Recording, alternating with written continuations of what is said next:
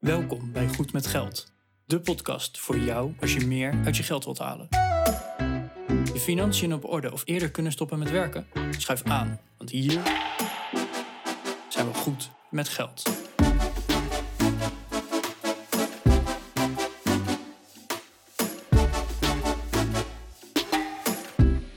Aflevering 146 van de Goed met Geld podcast. Bas en Arjan zijn we hier en eh, we zijn niet met z'n tweeën vandaag. Nee, eh, we hebben Erwin bij ons in de studio zitten. Erwin eh, is van Salaris Tijger, een ja, sociale onderneming die probeert om de salariskloof in Nederland in kaart te brengen. En tips te geven en, wat coaching en begeleiding ook om, om die salariskloof te verminderen. Dus we gaan het met hem hebben over nou ja, hoe het kan dat de salariskloof ontstaat, hoe, hoe dat precies werkt en wat je kunt doen om, uh, ja, om die kloof te verminderen. Het is een heel tof interview geworden, dus uh, ik zou zeggen, luister hem. wil je nou meer weten? Check dan de show notes op onze website www.goedmetgeldpodcast.nl slash 146.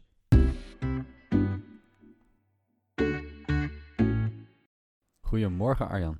Hey Bas. Hey, uh, wij kregen een mailtje van een van onze luisteraars.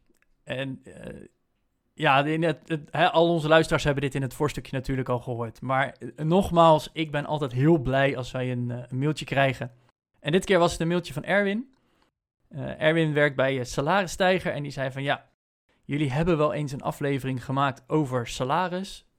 Maar er is nog zoveel meer over te vertellen. En, ja, en eigenlijk ook ja, nog veel specifieker over de salariskloof. Want ja, die salariskloof die is er gewoon in Nederland, laten we eerlijk zijn. Dus uh, ik wil uh, daar graag over komen vertellen. Ik heb er ervaring over. Dus nou, uh, welkom in de show, Erwin. Dankjewel. En ja, dus dankjewel voor je mailtje. Nou, we, we, zien elkaar nu in onze digitale studio. Maar voordat we echt op de, op de materie induiken, zou je jezelf even, even kort voor willen stellen. Wie is Erwin? Zeker. mijn naam is Erwin. Ik ben 31 jaar oud. en ik ben de medeoprichter van Salaristijger. Ik heb een uh, achtergrond in uh, economie. Ik ben toen strategieconsultant geworden. heel commercieel ja, allerlei verschillende multinationals geholpen. En toen eigenlijk besloten dat ik ja, die carrière niet door wilde zetten, maar liever iets maatschappelijks wilde gaan doen. Ik ben toen gaan werken voor een, een filantropische instelling en later ook voor een, een, ja, een verschillende goede doelen. en nu ben ik ondernemer, uh, en uh, met Salarisstijger werk ik samen met mijn compagnon Sophie van Gol aan uh, het probleem van de loonkloof in Nederland. Oké, okay, en hoe lang doe je dit werk al, hè, rondom dat Salarisstijger? Ja, we zijn ongeveer anderhalf jaar geleden een beetje soft begonnen met het idee, met het uitwerken. En ja, we hebben eigenlijk vorige zomer, eind vorige zomer, hebben we, dus ongeveer een jaar, iets meer dan een jaar geleden, hebben we echt ons ingeschreven bij de Kamer van Koophandel om ja, echt officieel van start te gaan. Ja, cool. Dat is ook heel spannend, denk ik, midden in, uh, in de coronatijd. Uh, om dat er ook nog eens naast te doen. Ja, zeker. Ben je tot die tijd gewoon in loondienst geweest of heb je al wat andere uitstapjes ook gemaakt? Nou, ik ben zelfs nu alsnog in loondienst. Dus uh, okay. ik, ik werk ook parttime als directeur van een denktank in mm. de zorg. Dat heet de Zorgambassade. En daarmee heb ik ook een ja, vast inkomen. Wat natuurlijk heel fijn is als je begint met ondernemen. Ja. Um, en uh, ik heb wel besloten om dat uh, eind van dit jaar uh, op te zeggen. nou, dat weten ze al. Het is geen verrassing. dus ze mogen luisteren naar de podcast. en vanaf januari ben ik dan echt fulltime ondernemer. Maar ik kan het sowieso iedereen aanraden die ondernemersplannen heeft. jullie doen natuurlijk ook deze podcast parttime naast je andere gigs. Ja. het is ontzettend leuk om ja, iets gewoon na te jagen waar je een passie voor hebt. en dat, dat naast je gewoon baan te doen. en daar tijd voor te maken. Ja, nou, de eerste tip is dus al gevallen binnen de vijf minuten. Super tof. Ja, zeker ook qua onderhandeling. Mensen denken het gaat altijd over geld, maar dat, het is helemaal niet zo. Je kan ook onderhandelen dat je meer flexibiliteit hebt of een dagje, een dagje vrij hebt, zodat je een podcast kan maken of een bedrijfje kan starten ja. of een taal kan leren of wat dan ook. Ja. Oké, nou laat, laten we even, je begint meteen al over het onderhandelen, maar uh, ik ga nog even een stapje terug. Ik, uh, ik zag op jullie website Vrouwen verdienen gemiddeld 300.000 euro minder salaris in een werkend leven. Vind ik nogal een stelling. En dat is puur en alleen het geld. Maar laten we nu even eerst jullie definitie of jouw definitie van salaris benoemen. Dat we, dat we dat even afgebakend hebben. Wat is volgens jou salaris? Poeh, ik begin meteen met een lastige vraag. Ehm, ja, ja, het is lastig. Kijk, als ik kijk naar salaris, dan zou ik in eerste instantie denken dat het puur het financiële deel is. Uh, dus dat gaat om je maandelijkse loon, uh, maar ook al je toeslagen die je krijgt en bonussen. Uh, dus eigenlijk het ja, totaal waar je uiteindelijk ook belasting over betaalt aan het, aan het eind van het jaar. Ja. daarnaast heb je natuurlijk ook allemaal arbeidsvoorwaarden. Maar qua salaris zou ik toch wel het financiële deel zou ik als definitie zien. Ja, en salaris is in principe niet de enige beloning die je krijgt voor de arbeid die je levert. Hè, dat, dat is redelijk gebruikelijk dat er vaak nog iets naast zit. Wat zijn dan van, van zulke andere beloningen waar we nog aan kunnen denken? Ja, uh, ik denk dat uh, je ook uh, beloningen krijgt in de voldoening van je werk. Hè? Wat, wat voor werkzaamheden doe je? Hoeveel plezier heb je in je werk?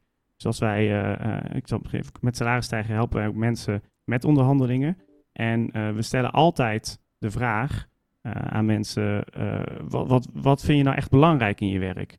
En dat kan ook gewoon zijn een bepaald project, een bepaalde uh, met iemand samenwerken, een leuke baas hebben. Dus dat zijn ook dingen, ja, voor arbeidsvoorwaarden waar je plezier uit kan halen. En daarnaast zijn natuurlijk allerlei dingen als nog een studie betaald krijgen, speciale verlofregelingen. Misschien wil je wel een keer op een mini pensioen, wereldreis. zoiets zijn ook dingen die je gewoon kan onderhandelen. Er zijn een tal van dingen naast salaris die je extra kan onderhandelen. Zowel werkinhoudelijk uh, als ook arbeidsvoorwaarden over verlof of studies of dat soort dingen. Ja, ja en ik, ik zit zelf inderdaad ook nog even naar mijn eigen voorwaarden te kijken. Ik heb bijvoorbeeld een auto van de zaak. Ik denk dat dat ook zo'n onderhandels, uh, onderhandelsvoorwaarde is. Uh, of bijvoorbeeld je pensioenregeling. Hè? Je, je hebt het zelf al over een mini-pensioen, maar ik denk dat je pensioen aan zich al onderhandelbaar is. Absoluut, ja. Dat zijn dingen die mensen vaak ook vergeten. Um, dat kan echt heel veel opleveren. Hè. Soms kan je werkgever misschien wel 20% uh, uh, extra premie betalen op je pensioen als je, of als je wat ouder bent.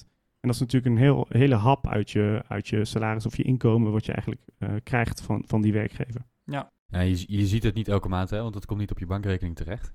Maar ik, hoorde laatst zoiets dat het, het meeste vermogen van werkende Nederlanders zit in hun pensioenaanspraken. Dus om even aan te geven van hoe belangrijk is zo'n pensioen. Je, je ziet het misschien niet, uh, niet elke maand op je bankrekening langskomen. Maar als je daar inderdaad een paar procent bij kan onderhandelen, dan, dan levert dat ja, wel serieus veel vermogen op en, en later dus inkomen. En volgens mij um, las ik dat, je, dat, dat 10% van de Nederlanders op dit moment eigenlijk geen pensioen opbouwt via de werkgever. En ik denk dat een groot deel daarvan zich dat eigenlijk niet bewust is. En dat is eigenlijk zonde als je, als je bedenkt hoe belangrijk dat pensioeninkomen ook is. En met name denk ik millennials die werken voor coole start-ups uh, en uh, die zich inzetten voor weet je, echt maatschappelijke uh, doeleinden. Ja, die, die zou ik toch ook wel adviseren om wel even goed na te vragen bij je start-up. Hoe zit het dan met pensioen en waarom is er bijvoorbeeld geen pensioen?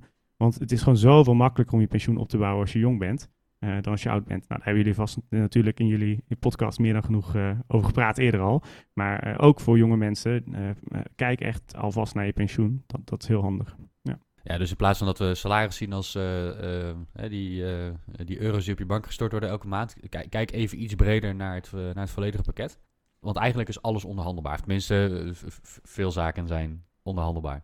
Absoluut. Heel veel zaken zijn onderhandelbaar. Ja, ja goede tip. En dan die, die drie ton op, op een werkend leven die een vrouw gemiddeld minder verdient, of die vrouwen gemiddeld minder verdienen. Is dat dan puur die euro's? Of is in die berekening ook pensioenen, extra voorwaarden en al dat meegenomen? Of is het echt alleen maar de harde euro's? Ja, het is, het is zelfs nog veel meer eigenlijk in een werkend leven. Het zit namelijk zo dat um, uh, vrouwen uh, verdienen gemiddeld 38% minder jaarloon dan mannen.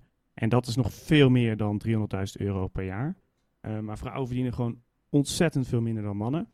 En daarvan ligt het grootste deel, hè, ongeveer twee derde van, van dat, die 38% die vrouwen minder verdienen, uh, komt omdat vrouwen uh, gewoon minder uren werken. En daar moet ik wel echt heel erg duidelijk bij zeggen, minder betaalde uren werken. Want als je kijkt naar de statistiek van, van Eurostat over heel Europa en van de OECD, zie je dat mannen en vrouwen ongeveer evenveel uren werken in Nederland. Alleen dat vrouwen dus veel meer onbetaald werk doen. huiswerk, mantelzorg, al dat soort zaken.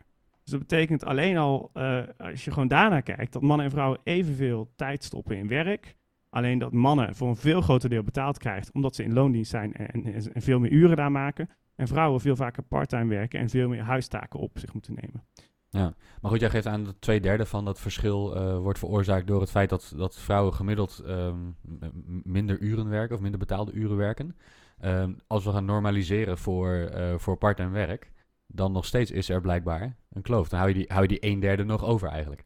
Precies. En um, dat is ook nog niet eens uh, de 300.000 uh, euro. want dat is namelijk de kloof die je overhoudt dan die een derde kloof die je overhoudt uh, daar zitten ook nog verschillen in dat vrouwen uh, vaak slechter betaalde banen hebben. Uh, daar zijn allerlei redenen voor. soms zitten ze in sectoren die gewoon veel minder betalen. Je kan denken aan de zorg of het onderwijs.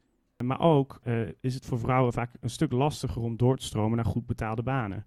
Er zijn in Nederland meer CEO's van beursgenoteerde bedrijven die Peter heten, dan dat er CEO's zijn van beursgenoteerde bedrijven die vrouwen zijn. Dus het is zoveel moeilijker voor vrouwen om door te stromen uh, naar de top. En zelfs als ze in de raad van bestuur zitten, is het vaak bijvoorbeeld de HR-functie, die ook nog eens minder betaalt dan andere functies. Waarom? is een vraagteken. Maar uh, op die manier zijn er dus ook, uh, verdienen vrouwen ook minder. En ook nog eens voor hetzelfde werk verdienen ze vaak minder. Dus als je van die een derde van dat verschil, wat je nog wil verklaren, als je daarvan kijkt van oké, maar vrouwen zitten in andere functies en andere sectoren en je gaat voor twintigtal factoren ga je corrigeren. Dat heeft het CBS gedaan. En daar is best ook wel wat kritiek op of dat op een goede manier is gedaan. Want ze stoppen er heel veel factoren in, waardoor je eigenlijk bijna al het verschil wil wegverklaren. Maar dan alsnog blijft er een loon, loonkloof over. En die loonkloof, ja, dat is die 300.000 euro in een leven van een, van een werkend leven van een vrouw. Dat vrouwen dus minder verdienen dan mannen voor precies hetzelfde werk. Snap jullie het nog? Dat was een lang verhaal. Ik, ik, ben, ik ben er letterlijk stil van ik, ik schrik hiervan. Uh, dat, dat het inderdaad eigenlijk zo erg is. Want uh, uh, 300.000 euro op een werkend leven, uh, dat, dat is al heel veel. Maar als je dan inderdaad zegt van... hé, hey, het is en nog is genormaliseerd naar... Wat, wat als het in dezelfde functie zou zijn... en als het evenveel uur zou zijn... en al dat eromheen... dat het zodanig genormaliseerd is... dat je het eigenlijk bijna één op één zou kunnen vergelijken... en dat het dan nog steeds zo'n groot verschil is dan denk ik inderdaad wel van wow, dat, ja, dat vind ik best wel heftig. Kijk, en het, uh, wat jullie natuurlijk ook als je hetzelfde ziet met pensioenen, ik wil het natuurlijk helemaal niet goed praten, maar over lange termijn, als je een heel werkend leven hebt, dan bouwt zich dat natuurlijk op.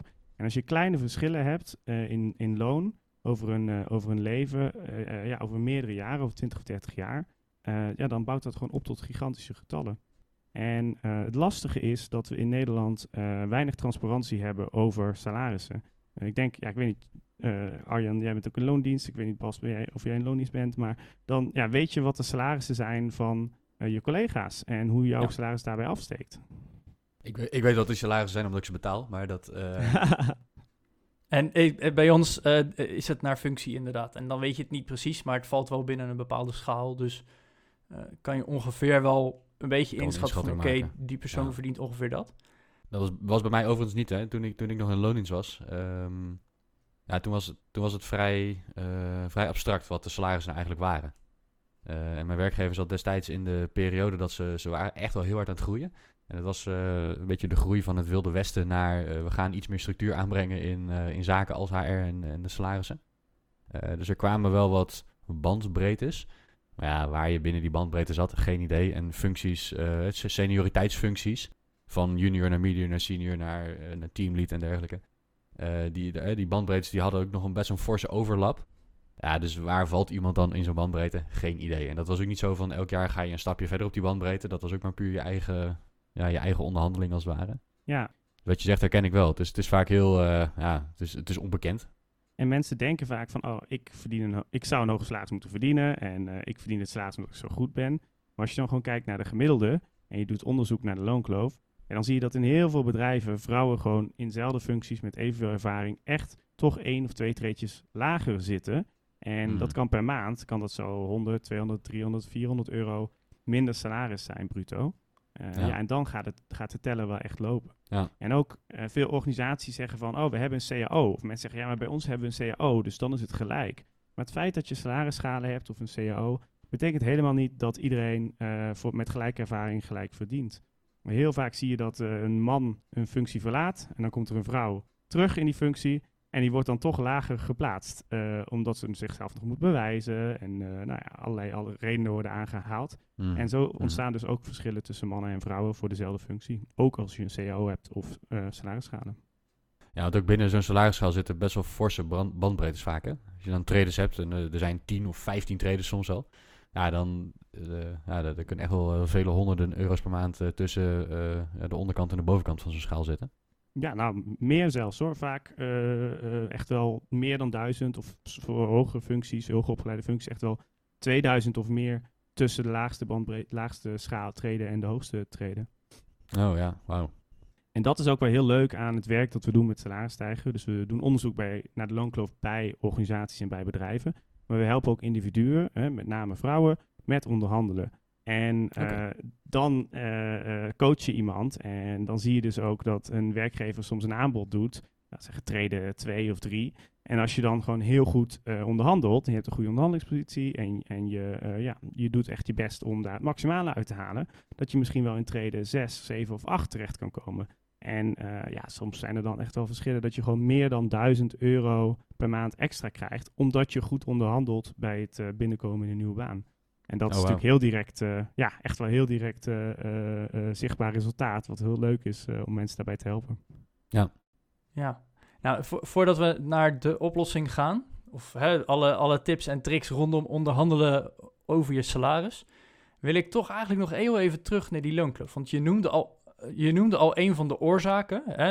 een, een man gaat weg uit een functie, er komt een vrouw voor in de plaats.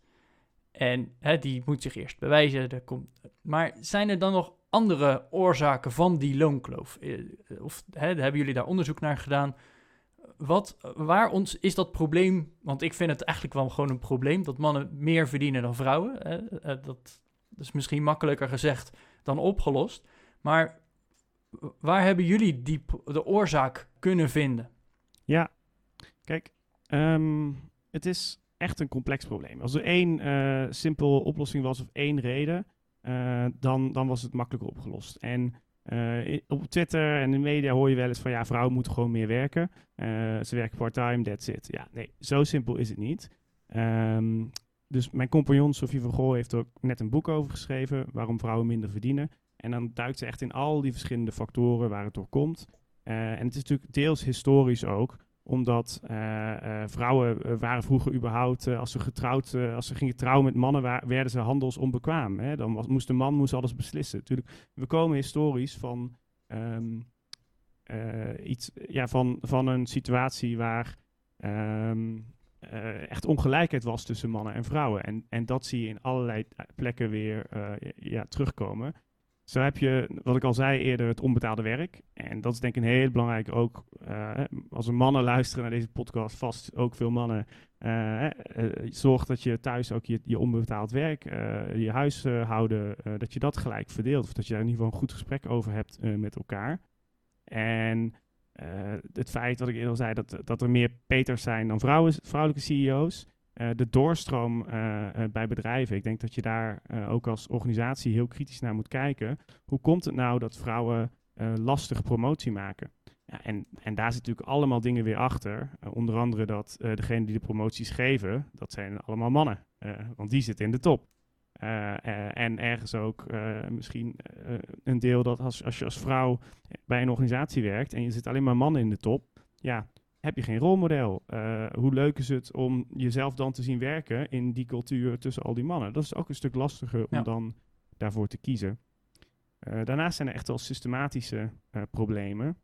Dus um, we zien onder andere, je hebt een Franse feministe en, en academicus, uh, zij heeft um, een belangrijk onderzoek gedaan waaruit ook wel blijkt dat als een sector meer vrouwen uh, als er meer vrouwen gaan werken in een sector, dan daalt het aanzien van die sector en dan gaat het salaris omlaag. En dat zagen we bij het onderwijs, zoals vroeger vooral mannen, nou, veel vaker mannen, maar uh, daar zijn salaris omlaag gegaan bij de zorg. En zo zie je dat bij veel meer sectoren. dat het eigenlijk een wetmatigheid is. Dat als er meer vrouwen in die sector komen te werken, gaan de salarissen omlaag. Deels misschien door aanzien, deels door vraag en aanbod. Hè. Er zijn ook meer mensen die het kunnen gaan doen. Maar toch waarderen we dan als samenleving wat minder. En tenslotte ook ja, binnen sectoren zie je dat functies die hoog betaald worden, dat daar mannen naartoe trekken. En dat vrouwen dat lagere betaalde functies gaan doen. Dus bijvoorbeeld de luchtvaart. de piloten zijn vooral mannen. En de, de stewards en stewardessen, ja, dat zijn voornamelijk vrouwen. Dus dat zijn allemaal dingen in de samenleving en allemaal mechanismes die er uiteindelijk voor zorgen dat je dus zo'n loonkloof krijgt. Ja. En het feit dat vrouwen voor zelf precies dezelfde baan met hetzelfde aantal uren ook nog minder verdienen, ja, dat, dat, dat blijft natuurlijk ook een raadsel. En ehm, dat komt denk ik deels doordat uh, je met mannen moet onderhandelen soms. Uh, en dat ehm, we geven ook training in unconscious bias, in onbewuste vooroordelen. Ja, en, dan zie je ook dat mannen denken, van, nou, iedereen denkt dat ze heel onbevooroordeeld zijn. maar dat is natuurlijk helemaal niet zo. En als je dan nou, ik kan daar nog wel later wat meer over toelichten. Maar dat, dat, men, dat vrouwen worden heel anders behandeld dan mannen. Wat het ook moeilijker maakt om promoties te maken of om een eerlijk salaris te krijgen. En uh, soms hoor je wel eens, ja, vrouwen onderhandelen minder. Uh, maar dat is eigenlijk helemaal niet zo. Vrouwen onderhandelen net zo oh. vaak, alleen ze krijgen het minder vaak. En hoe dat precies zit, ja, dat is ook nog een beetje een vraag. Ja, hoe, voordat we echt naar de oplossingen gaan kijken, want daar ben ik ondertussen wel heel erg benieuwd naar. Uh, maar hoe kijk je dan naar het vrouwenquotum? Want er is nu, hè, dat komt heel vaak in het nieuws. Uh, er moeten zoveel procent vrouwen in de, de top van beursgenoteerde bedrijven zitten. Ik geloof dat dat het quotum echt gaat zijn. Um, en ik, hè, ik persoonlijk heb er een heel dubbel gevoel bij. Aan de ene kant vind ik het heel jammer dat het nodig is. Uh, hè, dat, dat er het op die manier gestimuleerd moet worden. Want ik vind nog steeds, ja, eigenlijk moet gewoon degene die best fit voor een positie zou daar moeten komen. Maar dat het dus dan nodig is dat daar een quotum bij komt om het wel wat eerlijker te verdelen, dat vind ik dan eigenlijk heel jammer. Dus ik, ik vind aan de ene kant heel goed dat het er is, maar aan de andere kant heel jammer. Maar hoe, hoe kijk je dan daar naartoe vanuit jouw professie? Ja, ik had dat vroeger ook. Ik dacht van ja, je moet gewoon de beste persoon hebben. Um, alleen ja, op een gegeven moment kom je erachter dat het dus zo niet werkt. Dat uh, als je het gewoon overlaat aan de markt, dat het niet gewoon de beste persoon is, uh, maar dat het dan altijd de mannen zijn. En dat kan natuurlijk niet, dat de mannen dan altijd de beste persoon zijn. Uh, zo had je ook dat Rutte op een gegeven moment een kabinet wou met voor de helft vrouwen. En dat het hem niet lukte. En dat hij zei, ja, uh, ja het, uh, het lukte gewoon niet. Ik wil gewoon de beste bewindspersonen. Ja, en als dat de man is, is het de man. ja, hallo. hoezo kan je niet tien vrouwen vinden die goed genoeg zijn om, om minister te worden? Kom op, zeg. Maar goed, ik was daar dus eerst ook wel op tegen. Ehm, maar um, er is jarenlang is er een verplicht streefcijfer geweest. En als je uh, niet dat streefcijfer haalde als beursgenoteerd bedrijf, moest je rapporteren om waarom niet en moest je het uitleggen. Dus dat was een soort van de soft approach. Mm -hmm. En wat zag je? Dat er eigenlijk niks veranderde. Er gebeurde niks. Toen okay. uh, op een gegeven moment kwam er een quotum. Dan schrijven we gewoon een rapportje waarom het niet gelukt is. En ja. dan ja, prima, dan, dan is dat het. Ja. In, je, Easy in je jarenrapport zet je, we hebben heel erg gezocht, de vacature stond een uh, maand open en uh, de, ja, we konden geen goede kandidaat vinden, helaas. Nou, oké. Okay. Ja. Uh, dus het werkte voor geen meter. toen hebben ze voor de Raad van Commissarissen voor het eerst echt een quotum ingevoerd, voor hele kleine schaal. En wat zag je? binnen no time, zelfs voor de wet zeg maar echt inging, uh, haalden mensen het wel en waren de vrouwen opeens wel te vinden. Dus mm -hmm. ik vind het een, het is een botte bijl, uh, maar gezien hoe oneerlijk de samenleving nu nog is tussen mannen en vrouwen en hoeveel macht er ligt bij mannen. Als je gewoon puur telt naar, naar uh, politici, hoge CEO's, belangrijke functies, betaling, wie krijgt het geld, ligt dat gewoon veel meer bij mannen. En dat klopt gewoon niet, want mannen en vrouwen moeten in dat respect gewoon hetzelfde zouden hetzelfde moeten zijn. Ja, ja, ik, ik, ben zelf, uh, als ik naar mijn persoonlijke uh, politieke overtuigingen kijk, ben ik uh, tegen te veel overheidsbemoeienis in heel veel zaken. Maar ik zie wel dat we ehm, soms een zetje de goede richting in nodig hebben. Hè, kijk naar milieuaspecten. En ik denk dat zo'n dat zo'n een vrouwenquotum, om het even zo te noemen, dat dat ook daarin helpt. Op het moment dat er regelgeving komt om meer vrouwen in bepaalde posities te krijgen, dan krijgen we meer vrouwen in bepaalde posities. Want dat, hè, dat, daar moeten we aan voldoen. Ik, ik weet niet of er anders boetes. Uh, je mag gewoon niemand meer. je mag niemand benoemen. Dus je mag alleen iemand benoemen dan die van de gender is waar je te weinig van hebt. Want het is ook even belangrijk. Precies, je dus noemt het vrouwenquotum. Het is gewoon een genderquotum. Dus het is minimaal 30% mm. vrouwen of en minimaal 30% mannen. ja, ja, oké. dus het is niet alleen van dus vrouwen. Het werkt, het werkt beide kanten op. Het werkt beide kanten op. Ja, maar goed, dat, dat betekent wel, hè, dat, er is geen andere optie meer. We, we moeten dat nou eenmaal gaan doen. Maar doordat dat gebeurt, verschuift de dynamiek in, in organisaties ook. Waardoor dat quotum straks misschien niet meer nodig is, om, omdat er dan een veel, meer, uh, veel meer een balans is. Zeker, ja. Dus ik zie het ook echt als een tijdelijk iets. Uh, en als er eenmaal uh, meer vrouwen aan de top zitten, dan heb je ook een rolmodel. maar dan heb je ook iemand die voor vrouwen kan opkomen in de raad van bestuur. dan zorg je ook dat als promoties worden verdeeld, dat je misschien niet alleen maar promoties geeft aan iemand die heel erg op jou lijkt. Hè, want dat is ook een bekende bias. Hè, dat mensen die mm. op jou lijken, die vind je aardig, vind je goed. Want ja, die lijken op jou. Uh, dus, dus het, uiteindelijk heb je dan waarschijnlijk een trickle-down.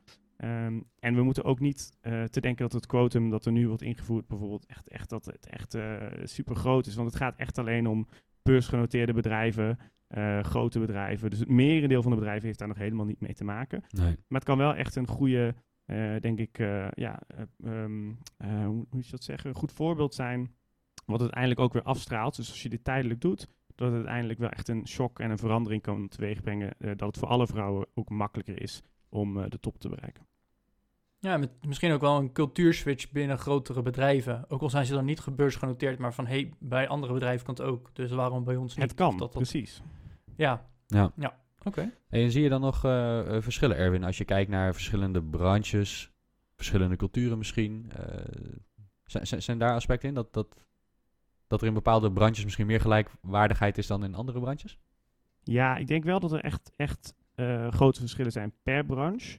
Um, je, hebt, je hebt gewoon branches die wat conservatiever zijn en waar al veel meer mannen zitten. Vaak branches waar veel geld heerst, uh, zit, uh, zijn vaak toch branches waar ook wat, wat meer mannen uh, op afgaan. En je ziet bijvoorbeeld nu dat in de, in de IT, waar een groot tekort is, terwijl er veel meer doorstroom is van vrouwen op universiteiten. Dus je ziet een enorme toename van vrouwen in technische studies die afstuderen. Dat je toch ook bij die bedrijven vaak nog veel mannen ziet. En ook ja, zeker daar in, in de top, dat dat ook mm. daar heel lastig is. En je hebt ja, uh, wat meer maatschappelijke branches. Uh, dat, dat, daar zie je vaak wel uh, meer vrouwen in de top. Dus hoe, hoe meer zakelijk, hoe meer mannelijk, hoe meer maatschappelijk, hoe meer vrouwelijk. Um, dat is wel een stelregel wat je een beetje ziet, maar wat nou, natuurlijk over tijd wel ook weer dichter naar elkaar toe beweegt. Oké. Okay. Ik ben nog wel benieuwd, Bas, jij bent ondernemer en je zei ik betaal de lonen. Heb jij zelf wel eens nagedacht over de loonkloof of de loonkloof onderzocht? Ja, ik heb, ik heb een heel klein bedrijf, hè, dus het is niet dat, ik, uh, dat ik honderden salarissen betaal. Op dit moment uh, heb ik twee mensen in dienst en uh, allebei op een parttime contract betalen. ze verdienen allebei hetzelfde. het zijn wel twee mannen, dus dat is, ja, dat, dat is wel een dingetje inderdaad.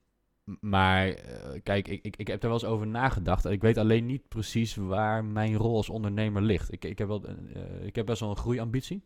Dat betekent dat ik nu, nu twee parttimers heb. Ik, ik wil echt wel naar een, naar een groter team van, van best wel een, een aantal mensen gaan groeien in de komende uh, anderhalf, twee jaar, zeg maar. Dus ik ben wel heel benieuwd naar, naar waar de rol van de ondernemer of de manager ligt. Of de, de inhurend manager, zeg maar. Op het moment dat je, dat je mensen gaat aannemen. Uh, in mijn branche is het ook nog eens zo dat het, uh, nou, het, is, het is het wilde westen. We hebben geen cao's. Het is, ja, het is aan wie het hardje schreeuwt, die krijgt het meeste vaak. Ja, jij noemde de unconscious bias. En ik ben benieuwd ja, hoe, hoe, hoe dat zich gaat verlopen. Als je een, een mannelijke of een vrouwelijke sollicitant krijgt, de een misschien met een grotere bek dan de ander. Ja. Um, het begint, ja, het begint eigenlijk al uh, bij de vacature. Uh, dus je ziet dat uh, bepaalde vacatures, bepaalde woorden veel meer aanslaan bij mannen. Hè? Competitieve woorden, nou, waar, waar je, als je die woorden gebruikt, dat er veel meer mannen solliciteren. Je kunt die woorden ook, of die, die, vacature ook omschrijven naar meer bijvoorbeeld coöperatieve woorden. Hè. We zoeken samenwerking om samen het, uh, het, doel te bereiken. Uh, dit is even een flauw voorbeeld, maar zoiets. Dus er is de laatste tijd coole AI-software, zoals bijvoorbeeld Textio. Daar stop je je vacature in en dan zegt hij gewoon, nou, je hebt een, een 70% bias voor mannelijke woorden die mannen, mannen aantrekken. En die geeft dan voorbeelden van woorden die je zou kunnen gebruiken of hoe je je tekst zou kunnen omschrijven om een gender neutral te maken. Oké. Dus alleen al in wie meldt zich aan, kan je je vacature door zo'n scanner heen halen. En dan zie je, zie je al hoeveel bias er misschien in je vacature zit. Ja, ja. En vervolgens in interviews, ja, wat je bij grotere bedrijven ziet, dat het dus wel ook heel belangrijk is dat er ook een vrouw mee interviewt. En er zijn een mhm. aantal bedrijven die gewoon zeggen: wij doen alleen een, of een interviewronde. Uh, we houden alleen een interviewronde als we minimaal één goede geschikte vrouwelijke kandidaat hebben. Of eventueel een, met een multiculturele achtergrond. Uh, en tot die tijd wachten we gewoon en gaan we niet selecteren, omdat we gewoon uh, gelijkwaardig willen kunnen zien tussen mannen en vrouwen. Dus we moeten ja. op zo'n manier dat is natuurlijk bij grotere bedrijven makkelijker dan bij wat kleine. Ik kan zeggen, nu, nu, nu ga ik op de, op de stoel van de, van de kleine ondernemer zitten die zegt, ja, ik heb gewoon mensen nodig. Dus als er iemand langskomt die aan het plaatje voldoet, dan, dan neem ik die aan. Ja. Uh, ik kan het me misschien niet veroorloven om, uh, om maar oneindig te wachten en nou ja, dan komt er misschien niemand. Ja, dat, dat, dat gaat niet werken. Ja, dat is dat het in een groter bedrijf misschien wel werkt. Ja, ik zeg, eh, lees je in, ga, ga eens een keer lezen over het onderwerp om ook te kijken van wat voor biases heb ik misschien zelf, wat voor vooroordelen mm. zou ik kunnen hebben en wat kan de impact uh, daarvan zijn.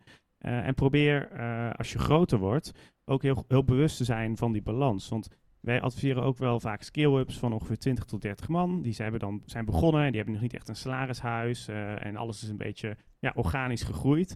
en dan op een gegeven moment komen ze er ook achter van... oh, we hebben nu nog maar één of twee vrouwen. En dat zijn ook nog eens de vrouwen in HR of in een andere positie, secretaresse of wat dan ook. Uh, we willen meer vrouwen. Ja, dat is nog net op tijd om dan ook meer vrouwen uh, te gaan aannemen. Maar op een gegeven moment ben je te groot en dan ben je 100% man. Ja, en dan is het heel moeilijk om weer die, die switch te maken. Dus het kan ook iets zijn als ondernemer dat je denkt, ja, ik ben nu naar 10 man gegroeid. Ja, huh, waarom eigenlijk 10 man? Uh, nu moet ik echt wel daar bewuster mee omgaan. Ja. En op het vlak, vlak van de loonkloof zou ik echt uitdagen om heel erg te kijken naar, ja, wat voor werk doet iemand nou? Inhoudelijk. En wat, wat betaal ik daar anderen voor? Uh, en zorg dat je uh, dan heel bewust uh, afvraagt waarom betaal ik deze persoon dit? Is dat mm ja, vanwege het werk en is dat gelijk met wat anderen betalen? Dus ook daar gewoon goede vergelijkingen trekken en niet gaan voor de goedkoopste onderhandelingsoptie. want vrouwen kunnen dan vaak toch minder verdienen dan mannen voor precies hetzelfde werk. Ja, ja. En daar heb je ook wel een bepaalde verantwoordelijkheid voor, denk ik, als werknemer om aan bij te dragen. Of als werkgever om aan bij te dragen.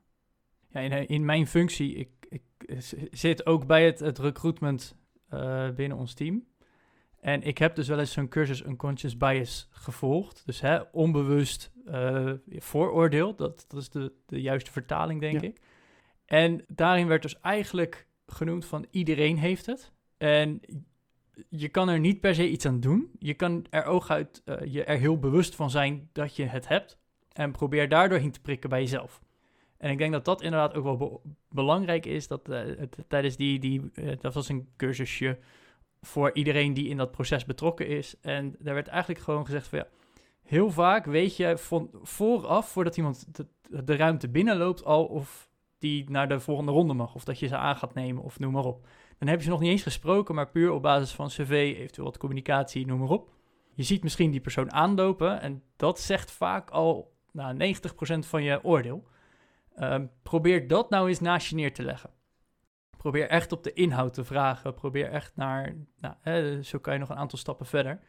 Uh, dus dat vond ik eigenlijk wel heel opvallend dat dat zo sterk in mensen zit. Want iedereen heeft een oordeel over iedereen. Zo simpel is het ook.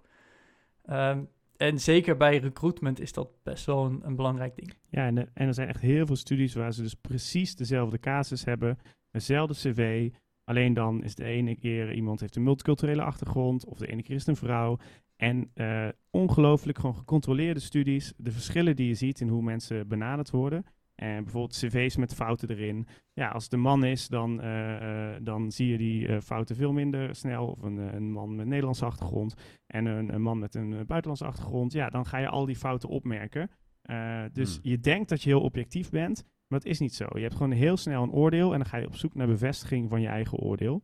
Uh, dus dat is supergoed om. Ik denk, ik zou elk bedrijf aanraden om zo'n zo'n onbewuste vooroordelen cursus te doen voor je HR-team op zijn minst. Hè, dat, dat mensen daar bewust van zijn. Ja. Um, Maar ik moet daar wel heel eerlijk bij zeggen. Ik geef zelf natuurlijk ook van dat soort trainingen. Het is een, uh, een good business. Uh, wereldwijd wordt er heel veel geld mee verdiend. Maar het is niet voldoende om alleen een training te doen. Om, juist omdat het zo'n menselijke natuur is om um, ja, uh, snelle uh, shortcuts te maken. dat is ook gewoon nodig, want je hebt niet zo heel veel hersencapaciteit. Je kunt niet alles super bewust en langzaam doen. je moet gewoon soms shortcuts nemen. Dus alleen zo'n training en bewustwording is niet voldoende. Dus je moet als bedrijf ook nadenken over hoe kun je dan je processen inrichten en je structuren. Om te zorgen dat je altijd volgens een vast format interviewt. Dat je echt kijkt naar de data. Dat je een onafhankelijk iemand hebt die weer vraagt van oké, maar heb je echt wel hiernaar gekeken? Heb je hiernaar gekeken? Uh, en dat je bijvoorbeeld je vacatures dus door zo'n zo'n scanner heen haalt. Dus dat je ook als je bedrijf je processen aanpast om het proberen zo onafhankelijk mogelijk te doen. En dat je het niet alleen laat bij de persoon van probeer uh, uh, geen onbewuste vooroordelen te hebben. Want dat is gewoon zo moeilijk. Elk mens heeft onbewuste vooroordelen. Dus word je er bewust van, maar pas ook echt je structuren binnen je bedrijf aan om te proberen eerlijk iedereen een kans te geven. Ja, ja Erwin, ik ik vind dit eigenlijk al, na de eerste 35 minuten van dit interview, is ja, al heel verhelderend, denk ik. Maar ik, ik zie mijn luisteraars nu ook denken van, ja, ik ben nu al 35 minuten aan het luisteren. Ik, zit, ik ben geen ondernemer en ik zit niet in de positie om mensen aan te nemen. Wat heb ik hier nou aan? Hè, in de titel staat uh, salarisstijger en ja, ik wil wel onderhandelen over mijn salaris. Uh, dus laten we het nou ook nog eens even van de andere kant belichten. Want ik denk dat we het heel goed uh, voor alle ondernemers die naar deze podcast luisteren, dat dit echt wel een, een toevoeging is. Maar stel, je bent gewoon in loondienst en ja, je wil meer salaris. Wat, wat houdt mensen nou tegen om daarover te beginnen? Waarom zou je nou niet gaan onderhandelen? Ja, nou, hele goede vraag. En um, ik moet zeggen, dit is denk ik ook wel de biggest win van deze podcast. Uh, de, de, grootste tip. Uh, waarom zou je niet onderhandelen? Dat is echt uiteindelijk waarom de meeste mensen geen salarisverhoging krijgen omdat ze in hun hoofd dus tal van uh, ideetjes hebben van ja, maar hè, dat, ik wil de relatie niet beschadigen, of ik verdien al zoveel, of ik krijg het toch niet. Ja, ja, hè, ik, of ik durf niet te vragen. Dus er zijn zoveel redenen waarom mensen uiteindelijk niet vragen om salarisverhoging. Maar ik denk als je ja, aan, aan mensen vraagt die klagen over hun salaris, vraagt van heb je wel eens gevraagd of je meer mag? Dat daarvan meer dan de helft zou zeggen nee, Nee, ik heb niet gevraagd of ik meer mag. Ja, oké, maar waar ben je aan het klagen dan? uh, maar goed. Ja. Ik, ik kan ook niet goed tegen mensen die klagen en dan volgens geen actie ondernemen. Dat is wel. maar als je dus nu luistert en denkt: Beetje flauw, maar... ik wil meer salaris. Stap 1 is gewoon het echt doen. Je moet gewoon over die hurdle heen. En um, ik wil daarom ook. Ja, ik, ik heb natuurlijk veel ervaring. Ik heb heel veel onderhandelingen gezien.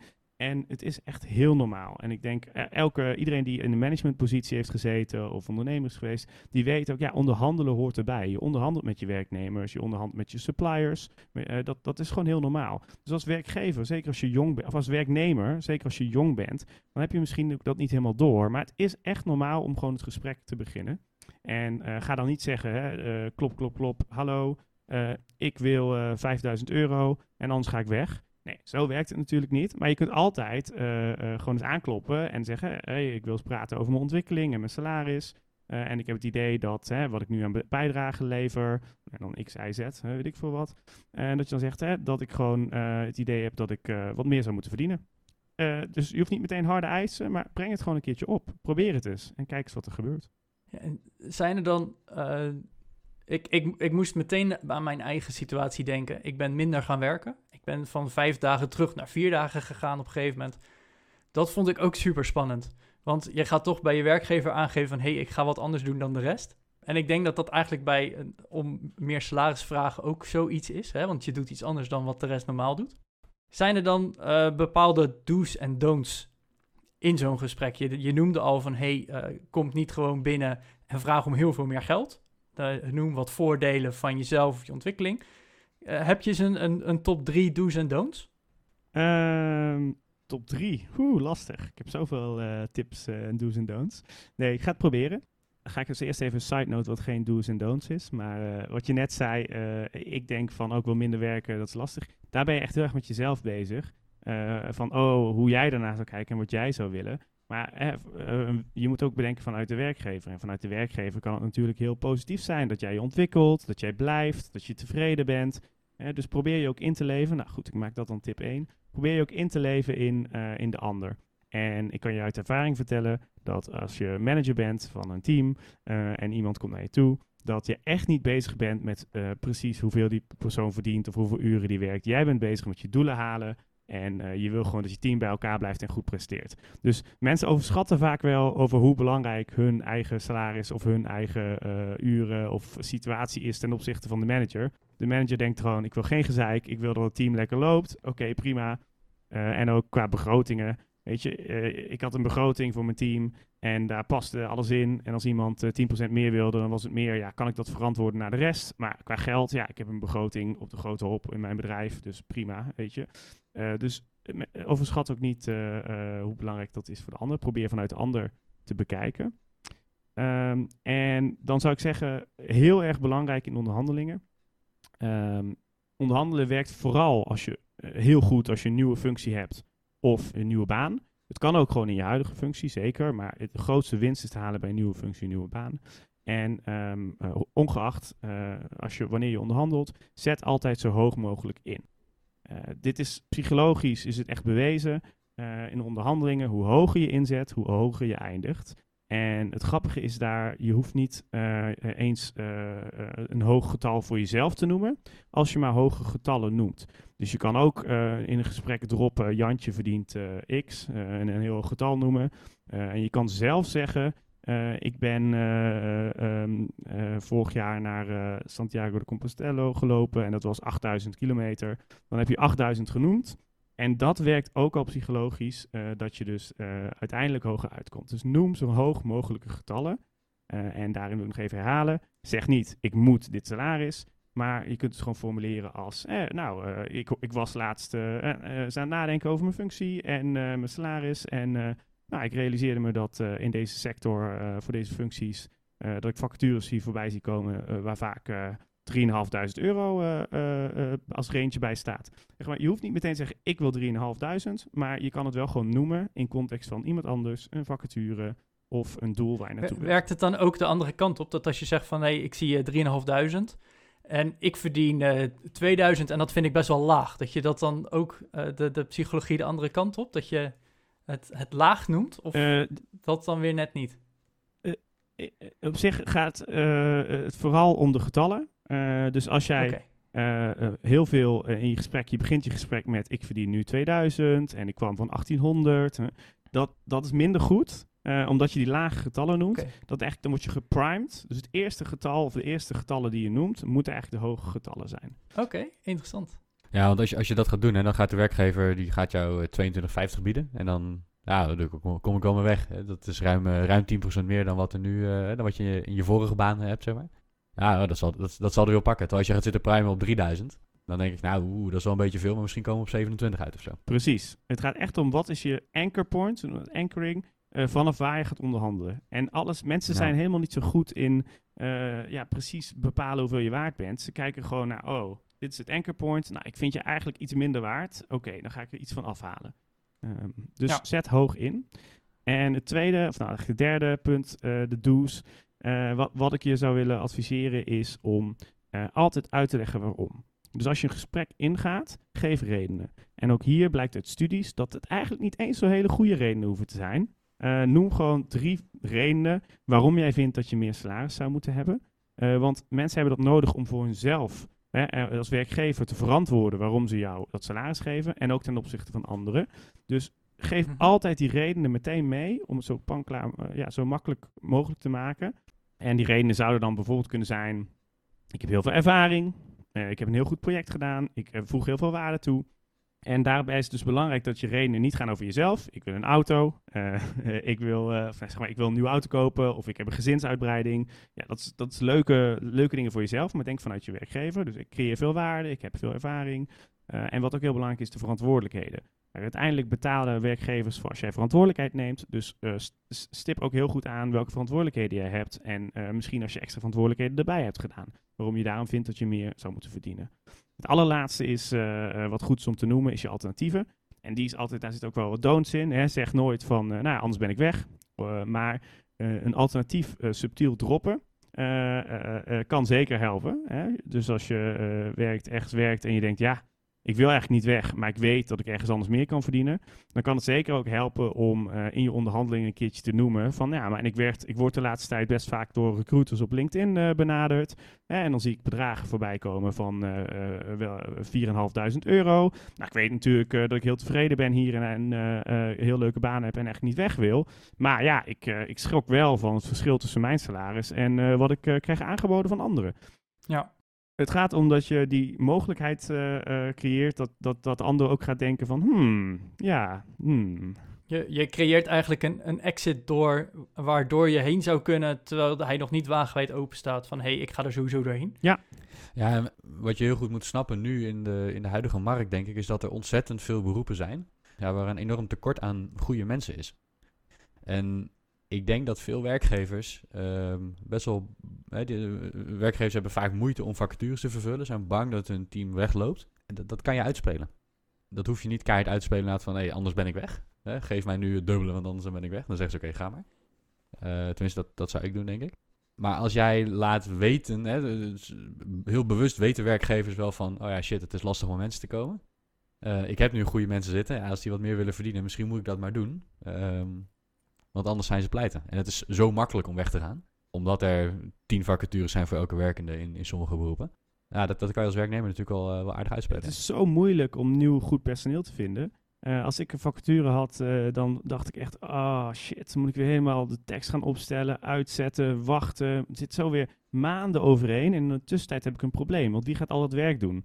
Uh, dus ja. Je moet je, oh, ja, mensen realiseren zich niet hoe moeilijk het is om weer nieuw personeel te vinden. Dus je hebt echt wel een goede uh, onderhandelpositie. En nu denk ik uh, dat er ook wel luisteraars zijn die denken: ja, ja, maar ik zit in een CAO en kan niet omhoog. Nou, je kunt ook echt in de CAO zijn er echt wel mogelijkheden om omhoog te gaan. Je, je kan bijvoorbeeld onderhandelen over de periodiek. Hè, dat is eigenlijk het moment waarop je een, een stapje omhoog gaat. Er is een, mhm. in heel veel cao's staat een arbeidsmarkttoeslag die je tijdelijk kan krijgen. Die kan je werkgever gewoon uh, geven aan jou. En je kan natuurlijk gewoon een, een dubbele treden omhoog gaan in plaats van één treden omhoog. Er zijn, zijn allerlei mhm. manieren om ook binnen een CAO uh, eh, meer te verdienen. Uh, dus laat je zeker niet tegenhouden door te denken: ik heb een CAO, dus ik kan niet onderhandelen. Dat kan absoluut wel. Heel goed. Oké. Hey, en uh, we, we, waren nog bij de don'ts. Je hebt er één echt wel genoemd, van uh, zeg niet, anders ga ik weg. Ja, een andere don't is um, uh, stiltes opvullen. En ik weet dat dit heel verleidelijk is. maar op het moment dat jij binnenkomt en zegt van nou, ik, ik vind eigenlijk dat ik misschien wat meer zou moeten verdienen. Dan, en, en je zegt waarom en wat je zou willen verdienen. dan zal een goede onderhandelaar zou gewoon een stilte laten. Om het een beetje ongemakkelijk te laten zijn. En wat je dan ziet, is dat mensen die niet zo ervaren zijn met onderhandelen, die gaan het dan opvullen met ja, ik weet ook wel dat het heel veel is. en die gaan zichzelf dan omlaag halen. En ja, ik snap ook wel dat, misschien dat, dat je dat bedrag niet kan betalen. En, doe dat niet. Dus wees gewoon comfortabel en accepteer ook gewoon dat als je een soort van demand of je, je, je plea, als je hebt verteld wat je wil, wil verdienen en waarom, om dan gewoon die stilte um, ja, te, te accepteren. Ja, het is sowieso wel moeilijk om te vragen, dus het, het mag misschien ook wel een beetje awkward zijn. Het mag gewoon awkward zijn, want het is, het is ook uh, misschien een, een, een, lastig, een van de lastige gesprekken die je hebt met je manager. Maar dat is oké. Okay. Uh, weet je, het gaat uiteindelijk om, uh, om heel veel geld. En dat zagen we aan die 300.000 in het begin van het jaar. Als je één keer goed onderhandelt, gaat het om heel veel geld. Dus laat, ja, lean in en laat het ook maar gewoon een beetje awkward zijn. Dat is oké. Ja. En uh, de laatste don't is, uh, ja, ik zou je toch adviseren om als je uh, over je uh, salaris wil gaan onderhandelen, om het wel ook te koppelen aan je ontwikkeling en wat je wil leren. dus ga niet zomaar het gesprek in met alleen maar, hallo, ik wil over mijn salaris praten. Nee, ga, maar, ga het gesprek in met, ik wil um, graag praten over mijn ontwikkeling, hoe het met me gaat, hoe het met de functie gaat, de verantwoordelijkheden die ik doe en het salaris dat daarbij hoort. en pak het dan een beetje in. Want geen werkgever vindt het leuk als een werknemer naar je toe komt en alleen maar gaat zeuren over salaris. Dus koppel het altijd een beetje aan ontwikkeling en ja, wat je wil leren. En zou je dat dan ook koppelen aan, uh, aan, aan review momenten hè, die in de HR-cyclus zitten? Dat je zegt van ik, ik heb één keer per jaar heb ik al zo'n momentje waar, waarin we het gaan hebben over de ontwikkeling en, en de, de doelen voor het komende jaar. Zou, zou je je salarisonderhandeling daaraan koppelen of zeg je dat dat mag je wel loslaten? Um, je mag het zeker loslaten, dus dat hoeft helemaal niet. Het ligt een beetje per situatie Ehm, sommige mensen die bijvoorbeeld geen CAO hebben, die uh, um, werken misschien in een organisatie waar je dan elk jaar bij dat evaluatiemoment echt over je salaris kan onderhandelen en dat ook verwacht wordt. Dan is dat zeker het moment om het te doen. Uh, maar bij veel mensen zal het waarschijnlijk verstandig zijn om het al voor je evaluatie te doen. bijvoorbeeld vier maanden van tevoren. Uh, ook omdat uh, zo'n salarisbeslissing ook wel tijd nodig heeft. Dus mensen moeten er even over nadenken. Uh, de manager moet het bespreken met zijn of haar manager. Dus als jij een salarisverhoging, een dubbele salarisverhoging wil bij het evaluatiemoment, dan moet je eigenlijk alvast een beetje de, de, ja, de basis gaan leggen een paar maanden eerder. En zo zie je dat het, nou ja, dat het wel ook een klein beetje wat voorbereiding vergt. maar ja. laat je... het er ook een beetje in op dat Precies. moment. Uh, dat betekent niet dat het niet verstandig is om het alsnog ook te doen als, als je een uh, evaluatiemoment hebt. Dan kan het ook helemaal prima. Uh, en stel dat je het op dat moment niet krijgt, doordat je het hebt opgebracht, weet je manager nu ook dat dit voor jou belangrijk is. En zal je het de volgende keer waarschijnlijk sneller krijgen of, of eerder krijgen. Hm. En wat ook heel grappig is, is dat als je gaat onderhandelen, zeker ook in een nieuwe functie, dat je vaak ziet dat de werkgever het eigenlijk wel waardeert. Omdat de werkgever zoiets heeft van, oh, dit uh, had ik misschien niet helemaal zo verwacht, maar deze persoon komt echt voor zichzelf op. En die zal dadelijk dus ook uh, in het bedrijf uh, voor, zichzelf op gaan komen. En ik, ik, denk dat we toch een heel goed iemand hebben aangenomen. dat komt dus deels doordat je ziet dat die persoon voor zichzelf opkomt. maar ook deels omdat we gewoon waarde hechten aan mensen op basis van ook wat salaris we ze gaan geven. Dus als we iemand binnenhalen die zegt ik wil heel veel verdienen, dan denken we oeh, oh fijn, ik heb echt een goed persoon binnengehaald. Dat zal heel goed zijn. zal wel ja, goed ja. zijn. Ja. Het werkt niet één op één zo, maar wel echt heel vaak dat we verrast worden dat, dat dus als je gaat onderhandelen, dat mensen dan daarna zeggen, oh, en mijn baas kijkt nu echt anders naar mij. Ik krijg veel meer senior taken. Ik krijg veel meer verantwoordelijkheid. Nou, niet iedereen vindt dat natuurlijk leuk, maar als je zegt, nou, ik vind het helemaal niet erg om meer verantwoordelijkheid te krijgen, dan zul je merken dat als je gaat onderhandelen, dat je dus ook serieuzer wordt genomen en meer verantwoordelijkheid krijgt. Oké. Okay. En we, we, aan het begin van deze podcast hadden we het over salaris en uh, beloningen. Hè? De salaris zijn gewoon de euro's, beloningen zijn uh, eventueel die auto van de zaak, uh, goed aanvullend pensioen, al dat soort dingen. Ja. Hoe combineer je die in de salaris onder, of in de onderhandelingen? Want hè, je kan zeggen, ik wil extra salaris en de baas zegt, ja, dat kan niet. Ehm, zijn dat dan nog alternatieven? Van ik wil dan een extra vrije dag per jaar? Of ik wil nou, hè, iets op die Of zeg je van, nou, dat zou ik dan niet doen? Absoluut. Uh, zeker uh, belangrijk om goed voor te bereiden. Dus het begint natuurlijk allemaal met wat is belangrijk voor jou. En nou, zo begonnen we misschien ook wel de podcast uh, met ja, wat is salaris? En je denkt van tevoren echt goed na over wat je wil, wat je wil bereiken en wat eventuele alternatieven zijn van wat je, wat je wil vragen. dus als salaris niet mogelijk is, ik kan me voorstellen dat er heel veel mensen zijn die zeggen: Ik zou het eigenlijk best leuk vinden om uh, een halve dag of een dag minder te werken. Om zo uh, uh, een bedrijf als salarisstijger te starten of om een podcast te gaan opnemen. Dus dan kun je natuurlijk ook zeggen als de werkgever zegt: Ja, ik heb geen budget, budget is op. Dan je zeggen: Oké, maar laten we dan in plaats van 40 uur voor wat ik nu verdien, dat we dan hetzelfde geld doen voor 36 uur. Uh, dus dan heb je dat nog in je, in je achterzak om te onderhandelen. Wat, wat ook een forse verhoging is uiteindelijk. Hè? Ik bedoel, dat is een supergrote verhoging. Meer dan 10%. Ja, ja.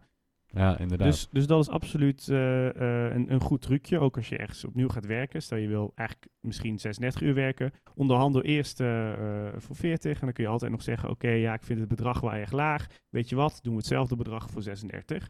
Dan heb je nog, nog 10% erbij. Maar goed, daar hadden we het niet over. We hadden het over nee. wat je dus nog meer kan onderhandelen. Maar heel veel mensen denken standaard eerst al oh, meer geld, meer geld, meer geld. Maar uh, dat is misschien ook nog wel een leuke eh, tip voor de, voor de luisteraars. Uh, uh, er is een, een, een, happiness course op Yale van Dr. Santos. Dat is, die is gratis te volgen. En ehm, dat is een psychologieprofessor die helemaal een, een, een, online course geeft over de happiness. wat, waar word je nou gelukkig van? En dan zie je dat er dus ongeveer bij een gezinsinkomen van 70.000 dollar mensen niet echt meer geld, gelukkiger worden van geld. Ja. Uh, vooral status neemt toe. Dus mensen denken heel vaak, ik wil meer, meer, meer, meer, meer. Maar meer geld uh, maakt uiteindelijk eigenlijk niet meer gelukkig. En er zijn heel veel andere dingen die wel gelukkig maken. En dat is meer tijd, meer vrienden. Dus denk ook zeker na over, wat maakt mij nou echt gelukkig? En dat kan ook zijn mm -hmm. werken op een bepaald project, werken met een bepaalde baas. Uh, meer vrijheid, minder stress, leukere verantwoordelijkheden. Um, en misschien heb je wel dat je denkt, oh, ik wil nog een keer een carrière switch doen. Ik wil eigenlijk een opleiding doen.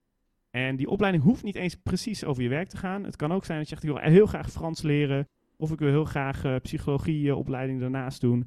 uiteindelijk kun je alles vragen. En als je werkgever denkt, nou, dit slaat nergens op, dan zal de werkgever dat prima zeggen. Bedenk wel even, leg, waarom, leg uit waarom je het wil doen. Hè, en waarom het voor jou belangrijk is en eventueel wat de werkgever eraan heeft. Maar probeer het gewoon. En al dat soort dingen zijn ook dingen die je zou kunnen onderhandelen. Ja, oké. Cool. Hey, en uh, ja, wij hebben je al geïntroduceerd als Erwin van Salarisstijger. En dat, dat is jouw eigen bedrijfje. Uh, voordat we naar onze vijf vragen gaan, wil ik dan natuurlijk nog even weten, wat doet salarisstijger hierin? Of wat kan salarisstijger betekenen? Deze aflevering wordt in die mate gesponsord dat we vooral jouw kennis krijgen in, in deze aflevering. Maar wat, wat zou salarisstijger kunnen betekenen als, als een van onze luisteraars nou zegt van ja, ik, ik, ja, ik wil wel gaan onderhandelen, maar ik vind het gewoon te spannend. Ik wil er graag met iemand één op één over kunnen sparren. Is dat iets waar ze bij jullie kunnen zijn? Of wat, wat biedt Salaris Ja, nou, dankjewel dat ik dat ook mag vertellen. Leuk. Uh, Salaris uh, Tijger um, heeft een, een online masterclass. Die is gewoon op elk moment uh, te volgen en af te nemen. Waarin we je een hele workshop meenemen in, in het onderhandelen. En je alle tips en tricks krijgt over hoe je nou moet gaan onderhandelen. Inclusief wat voorbereidende opdrachten en, en dat soort dingen. Um, en we hebben één op één coaching. waarin we je um, ja, meenemen in hoe je nou je onderhandeling moet doen. En, en echt kijken naar je, naar je privé situatie van welke uitdagingen sta je nou? En dan helpen we je ook nadenken van hoe moet je het aanpakken? Welke argumenten zou je kunnen gebruiken? En doen we een rollenspelletje. En dan gaan we echt oefenen. En, want dat is voor veel mensen ook wel, wel, wel, zijn een beetje bang. Mensen zijn een beetje bang om te onderhandelen. Of het is toch wel ongemakkelijk. Dus we gaan echt in een rollenspelletje oefenen. Uh, en daarnaast uh, volgen we dan, hebben we een soort van follow-up service dat we gratis uh, via WhatsApp of via e-mail mensen nog helpen als er dan een offer komt van hoe moet ik erop reageren, hoe zou ik het verwoorden. En zo nemen, helpen we je mee en nemen we je aan de hand mee om te onderhandelen. Het leuke is dat we dat bij mensen die een nieuwe baan hebben, voor een nieuwe werkgever, doen we dat echt met een performance fee. dat betekent dat je een heel laag basisbedrag betaalt en als het succesvol is, uh, dan betaal je een kleine performance fee aan ons. Maar als het dus ook niet succesvol is, ben je dus ook uh, niet veel geld uh, daaraan kwijt. Dat is wat we doen voor werknemers en voor de luisteraars. Maar voor ondernemers, dat is eigenlijk het grootste deel van ons werk. Daar zijn we het meeste tijd mee kwijt. Ehm, doen we onderzoek naar de loonkloof en geven we ja, trainingen in unconscious bias en ook trainingen over de loonkloof en trainingen in onderhandelen. En er zijn vooral heel veel bedrijven met trainees die dus hun trainees willen leren te onderhandelen. Dus dat is ontzettend leuk. We hebben bijvoorbeeld een keer voor de Rijkstrainees uh, ook zo'n workshop gedaan. Uh, dus ook de overheid en andere bedrijven die hebben zoiets van, ja, ik wil gewoon een happy werknemer die uh, ja, goed kan onderhandelen en goed kan articuleren wat zij of hij wil en wat hem of haar gelukkig maakt. en zo geven we dus grote groepen trainees of werknemers, trainen wij in, in onderhandelen. Kijk. En ik neem aan voor meer informatie www.salarisstijger.nl. Zeker. Kijk. Oké. Nou, Erwin, heel erg bedankt voor nou, meer dan afgelopen uur. Want hè, we, zitten ondertussen al even. En ja, alle kennis die jij uh, hebt kunnen delen met ons en, uh, en aan onze luisteraars.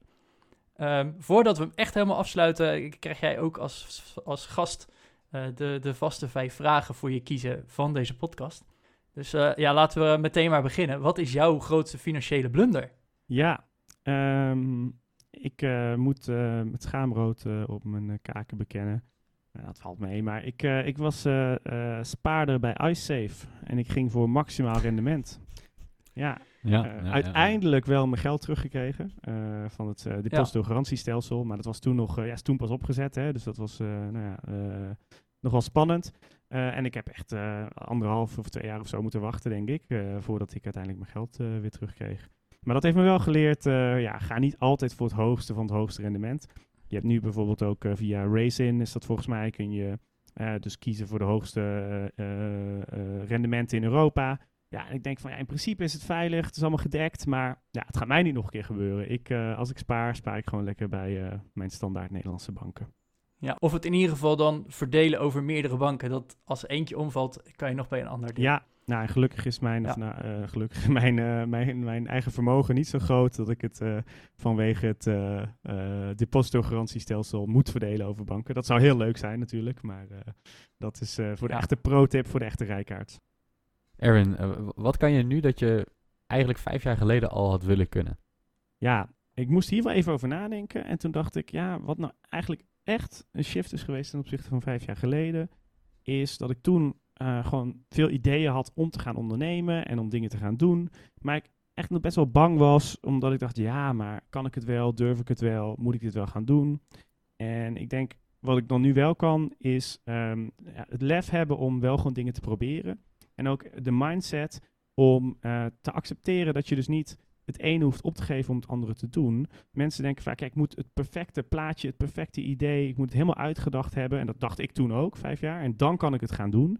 Ja, en nu kan ik, uh, uh, heb ik meer de, de leermindset van, nou, ik zorg gewoon dat ik parttime een loondienst heb of parttime dit klusje wat me geld oplevert. En dan kan ik parttime gewoon dingen proberen. En dat mag ook falen. Dus dat hoop ik dat de luisteraars uh, nou ja, daar ook wat aan hebben. En dat ze denken van, oh ja, ik hoef niet het perfecte idee te hebben om iets nieuws te proberen. Ga er gewoon voor en, ja, en just try it. En wie weet wordt het succesvol. En zo niet, dan heb je iets heel leuks gedaan waar je heel veel plezier aan hebt gehad. Ik denk zeker waardevol.